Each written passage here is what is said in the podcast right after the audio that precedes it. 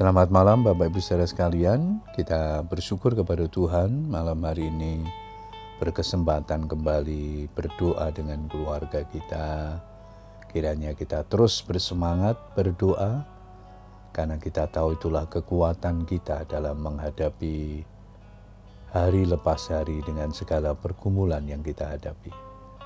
Mari sebelum berdoa saya akan kembali membagikan berkat firman Tuhan yang malam hari ini diberikan tema pertumbuhan rohani. Ayat mas kita di Filipi 1 ayat yang ke-10, firman Tuhan berkata demikian, sehingga kamu dapat memilih apa yang baik, supaya kamu suci dan tak bercacat menjelang hari Kristus. Bapak Ibu saudara sekalian, kehidupan Kristen yang normal adalah kehidupan yang semakin bertumbuh secara rohani seperti tanaman yang melewati fase demi fase untuk bisa tumbuh menjadi pohon yang berbuah lebat. Mulai dari biji yang ditanam, bertunas, berakar, bertumbuh, dan berbuah atau menghasilkan panenan. Orang percaya harus mengalami pertumbuhan. Kasihmu makin melimpah dalam pengetahuan yang benar dan dalam segala macam pengertian sehingga kita mencapai sasaran yang Tuhan kehendaki, yaitu menjadi umat yang suci dan tak bercacat menjelang kedatangan Kristus. Itu artinya kita tidak boleh tetap menjadi kanak-kanak dalam Tuhan atau kerdir rohani, melainkan terus bertumbuh di dalam Tuhan dan menjadi dewasa rohani. Kedewasaan rohani tidak terjadi secara instan, tapi membutuhkan proses dan latihan bukan dalam sehari, sehingga sebulan atau setahun, tapi di sepanjang hidup kita. Hal-hal apa saja yang perlu dilatih? Pertama, membaca dan merenungkan firman Tuhan. Firman Tuhan adalah makanan bagi jiwa dan roh kita. Alkitab menyatakan manusia hidup bukan dari roti saja, tapi dari setiap firman Tuhan Matius 4 ayat yang keempat.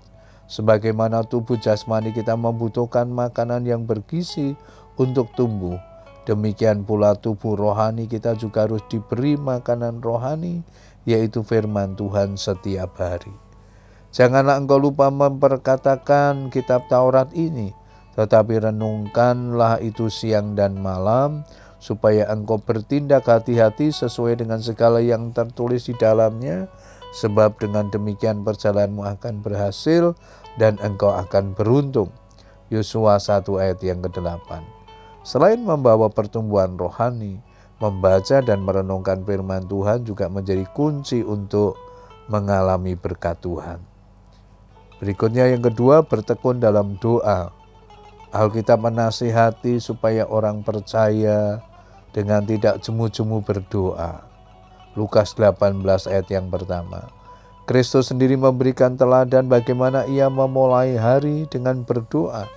Markus 1 ayat 35. Berdoa berbicara tentang persekutuan dengan Tuhan yang harus dijaga baik-baik secara terus-menerus dan tidak berkeputusan.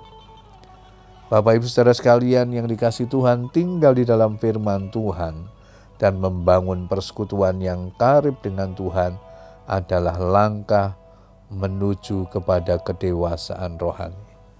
Puji Tuhan, malam hari ini kita diingatkan oleh firman Tuhan untuk terus bertumbuh ke arah Kristus karena Kristus rindu kehidupan kita makin hari makin serupa dengan gambarannya.